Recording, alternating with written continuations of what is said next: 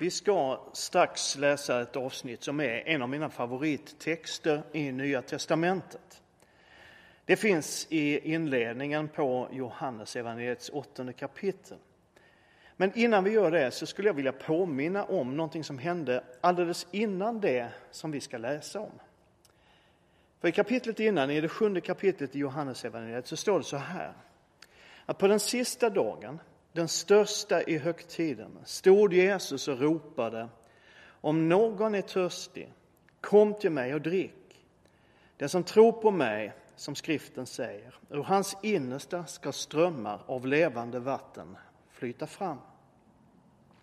Och jag tror att den händelsen hjälper oss när vi ska försöka förstå vad det är som egentligen händer i dagens text om ett möte med Jesus. Vi läser från Johannes 8.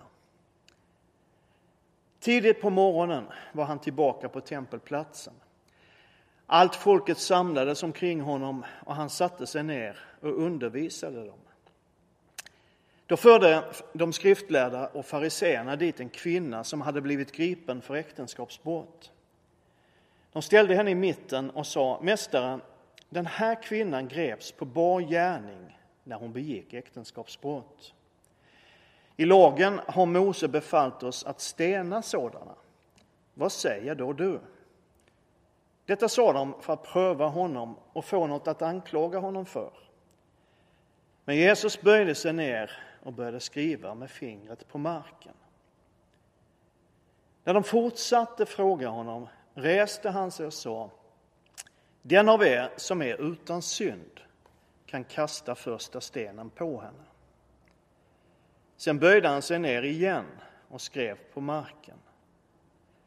När de hörde detta började de gå därifrån, en efter en, de äldste först. Och han blev lämnad ensam kvar med kvinnan som stod där. Jesus reste sig upp och sa till henne, kvinna, var är de? Har ingen dömt dig? Hon svarade, nej, Herre. Då sa Jesus, inte heller jag dömer dig. Gå och synda nu inte mer. Det första som slår mig när jag läser den här texten är att vi får inte veta någonting alls om den här kvinnan som det handlar om. Hon är liksom tagen helt ur sin kontext. Vi får inte veta hennes namn, vi vet inget om hennes bakgrund. Vi vet inte om det var hon som var gift eller om det var mannen som hon var tillsammans med som var gift. Eller om kanske båda var gifta men inte med varandra. Vi vet ingenting. Men hon har fått en etikett. Det är allt, en pseudonym. Hon är äktenskapsbryterskan. Det är lite som att se bilden av ett pixlat ansikte i tidningen med vidhäftande epitet som TV-profilen eller dokusåpa-kändisen, landslagsmannen, kulturprofilen eller kanske frikyrkoprofilen. Och den här kvinnan får heta äktenskapsbryterskan. Det andra som drabbar mig i den här texten är kvinnans extremt utsatta position. Hon befinner sig i ett läge, på en plats, i en situation som ingen människa vill vara i. Hon har blivit påkommen med någonting som på den tiden inte bara var ett brott mot den allmänna moralsynen utan också var ett brott mot landets lagar. Och vi vet inte vem det var som upptäckte hennes brott. Kanske var det gruppen av skriftlärda och fariseer. Kanske var det någon annan som såg vad som hände och som sedan berättade det för de skriftlärda. Det är i alla fall en grupp skriftlärda och fariseer som tvingar med henne till templet. Till en plats där det är massor av folk eftersom Jesus är där och undervisar. Och där, inför alla dessa människor, blir hennes brott högljutt avslöjat. Hon har begått äktenskapsbrott. Hon är en omoralisk, syndfull människa, en dålig kvinna. Och vi vet inte vad hon tänkte. Men det är inte så svårt att föreställa sig att hon anklagade sig själv. Hur kunde jag vara så dum? Hur kunde jag fatta så korkade beslut? Och hur kunde jag svika mig själv och alla de som älskar mig på det här sättet? Varför lät jag detta hända? Och hon hör gruppen av fariseer och skriftlärda berätta vad det är hon anklagas för. Och de talar om att hon borde avrättas. Och det är lätt att förstå hur skräcken, den totala paniken, ångesten väller upp i hennes inre. Och hon ser Jesus sitta där. Antagligen har hon hört talas om honom, kanske till och med lyssnat på honom någon gång. Det sägs att han är god, att hans undervisning är så annorlunda mot alla andra rabbiners. Men nu sitter han bara där, ser knappt ens upp. Han sitter och skriver något i dammet på marken medan de skriftlärda ställer sin fråga. De hänvisar till skriften. Den säger att den som begår äktenskapsbrott ska straffas med döden. Egentligen så är de här männen inte alls intresserade av kvinnan eller hur det ska gå med henne. Hon har bara gett dem en bra chans att sätta dit Jesus. För deras fråga är listig och illvilligt ställd. För om Jesus skulle svara att kvinnan ska avrättas så skulle ju dels mycket av hans undervisning och attityd gentemot människor falla. Men dels skulle han göra sig skyldig till brott mot den romerska ockupationsmaktens lagar, för judarna fick inte själva utdöma straff. Och om Jesus å andra sidan skulle säga att kvinnan inte borde avrättas, så skulle han ju bryta mot den judiska lagen, mot Guds ord. Så oavsett vad han svarade så skulle de ha någonting att anklaga honom för, det var det de var ute efter. Så Jesus svarar ingenting alls. Han skriver i sanden. Och det har diskuterats bland teologer, bibellärare och predikanter i 2000 år. Vad var det Jesus skrev? Och förslagen har varit rätt många. En del tror att han skrev ner alla de synder som den här gruppen av skriftlärda fariseer själva gjort sig skyldiga till för att sedan säga till dem att bara den som aldrig själv syndat skulle kunna döma den här kvinnan. Andra menar att Jesus helt enkelt bara förstrött sitter och klottrar i sanden för att visa sitt totala ointresse för de skriftlärdas fråga. Och några anser att Jesus skrev ner namnen på alla i den här gruppen av skriftlärda fariseer. Som en sorts profetisk hint med anknytning till ett ord från Jeremia 17 som han var säker på att den här gruppen kände igen. Ett sammanhang där det står att de som viker av från Herren är som en skrift i sanden som snabbt suddas ut. Och vi ska återkomma alldeles strax till det bibelordet, för jag tror att den förståelsen ligger ganska nära sanningen om vad det var Jesus gjorde. För jag tror att Jesus med sin handling, med sitt skrivande i sanden, gjorde två saker samtidigt, eller påminde om två saker. Vi ska komma ihåg att de skriftlärda inte var någon liten obskyr religiös extremistgrupp utan de var utbildade teologer med högt anseende. De hade börjat studera skrifterna vid 15 års ålder ungefär under erkända rabbiner. En utbildning som tog 12 år av dagliga studier i Gamla testamentet. Och sen måste man ha fyllt 40 år för att få kallas skriftlärd. De här människorna anlitades som experter i religiösa, i juridiska, i ekonomiska, i moraliska frågor. De var högutbildade, superkvalificerade akademiker som kunde Guds ord både utan och innan. Och grejen är att det fanns regler och föreskrifter om hur en sån här rättegång som de hade ställt till egentligen skulle gå till. Regler som de skriftlärda mycket väl kände till. Det var så här att om någon ertappades med äktenskapsbrott så skulle både mannen och kvinnan föras till templet och ställas inför översteprästen. Så skulle anklagelsen läsas upp. Två eller tre vittnen skulle berätta vad de hade sett. Och om de befanns skyldiga så skulle sen översteprästen skriva budordet om att du ska inte begå äktenskapsbrott i sanden tillsammans med namnen på de båda anklagade. Och därmed fastställdes domen. Men den här dagen fanns det ingen medskyldig man. Här fanns bara kvinnan. Och ingen överste präst var närvarande. Här fanns bara Jesus. Och var fanns vittnena? De verkar saknas helt. Så Jesus visar för det första med sin handling att det här har inte gått rätt till.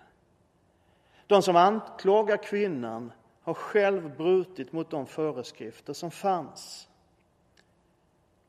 Och samtidigt, och det här är det fascinerande i texten, eller något av det som är så fascinerande med den här texten, det är att Jesus själv kliver in i rollen som överste präst genom att skriva i sanden så som överste prästen skulle ha gjort. Och du vet, Nya testamentet säger att det är han som är vår överste präst.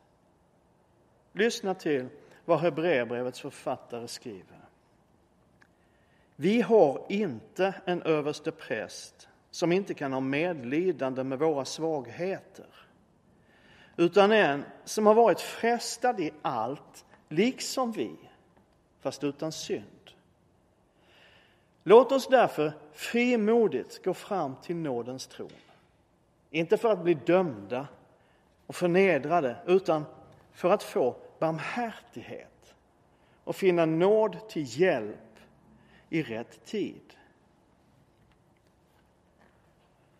Jag tror också att Jesus anknyter till det där sammanhanget i Jeremia 17 som vi talade om nyss. Det berättas att på Jesu tid, varje år, på den stora försoningsdagen och i samband med alla de ceremonier som pågick i templet under den dagen fick översteprästen genomgå upp till elva reningsbad. Och framåt slutet på dagen så bad han. Herre, så som detta vatten har renat mig, må den helige rena hela Israel när han kommer. Och sen citerades orden från Jeremia 17. Herren är Israels hopp. Alla som överger dig kommer på skam. De som avfaller från mig ska bli skrivna på marken. De har övergett Herren, källan med det levande vattnet. Och kom ihåg att Jesus alldeles nyss stått i Jerusalem och ropat ut att han är den som ger det levande vattnet. Antagligen så hade många i gruppen av skriftlärda sett och hört. Kanske skakat på sina huvuden och gått därifrån utan att förstå att det är han, Jesus, som är Israels hopp och det är han som är källan med det levande vattnet. De här skriftlärda kände mycket väl till ceremonierna under försoningsdagen.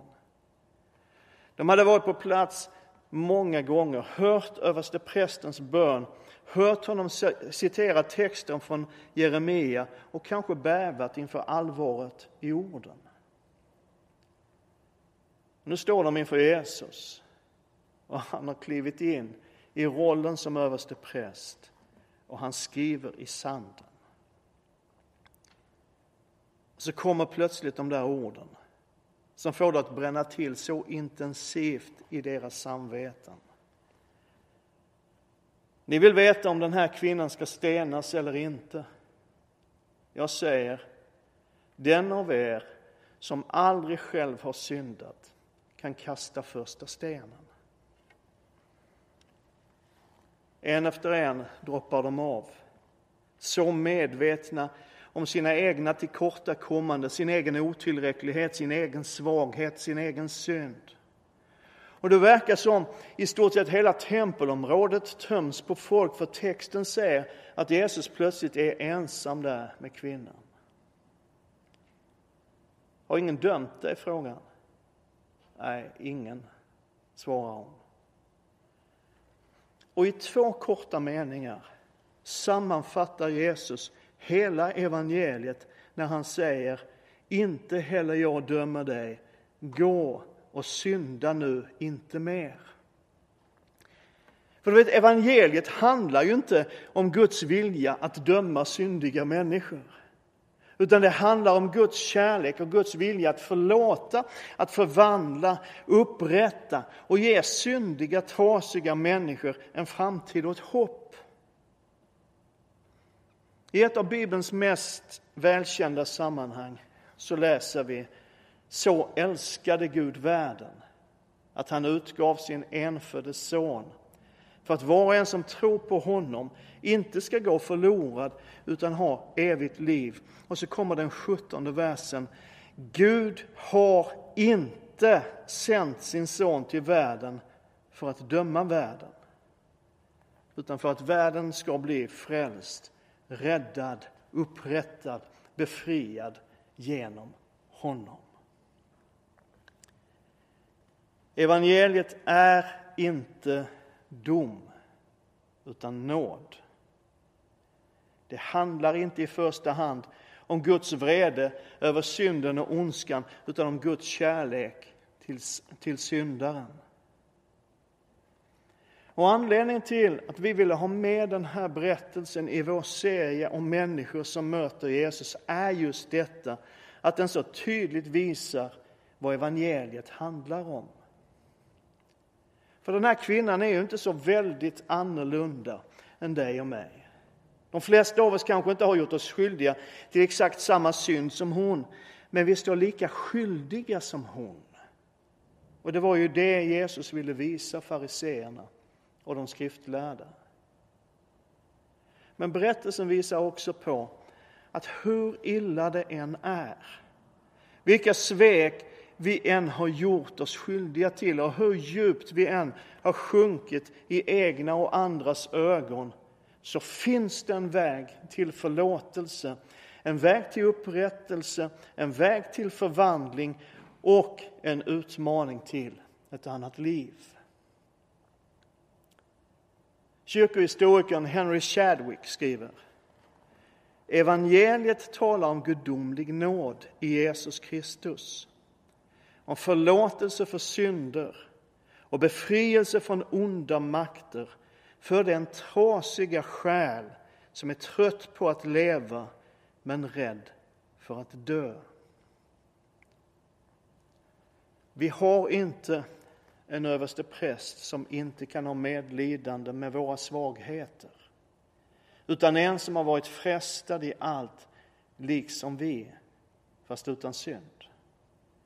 Låt oss därför frimodigt gå fram till nådens tron för att få barmhärtighet och finna nåd till hjälp i rätt tid. Amen. Ska vi be tillsammans. Herre, jag tackar dig för din oändliga kärlek till varje människa. Tack för att du inte har kommit för att döma utan för att rädda och befria. Och tack att när du ser oss så ser du en människa som är så högt älskad, värdefull och dyrbar. Herre, du känner var och en av oss. Du vet vad vi kämpar i livet, vilka fel och brister vi har, vilka misstag och synder vi har gjort oss skyldiga till. Men tack att du inte är som de här skriftlärda och fariseerna som vill peka finger och döma, utan du vill lyfta oss som du lyfte den här kvinnan. Befria oss ifrån vår skuld, befria oss ifrån vår nöd, befria oss ifrån allt som förstör våra liv. Herre, du känner den som lyssnar idag. Tack att du finns hos dem just nu, där de sitter. Jag ber att din nåd och din kärlek ska få omsluta dem. Att var och en som längtar efter dig också ska få dricka av det levande vattnet som ger liv i evighet. Så ber jag Herre att du ska välsigna oss och bevara oss. Herre, låt ditt ansikte lysa över oss, var oss nådig. Herre, vänd ditt ansikte till oss och ge oss frid. I Faderns och Sonens och den helige Andes namn. Amen.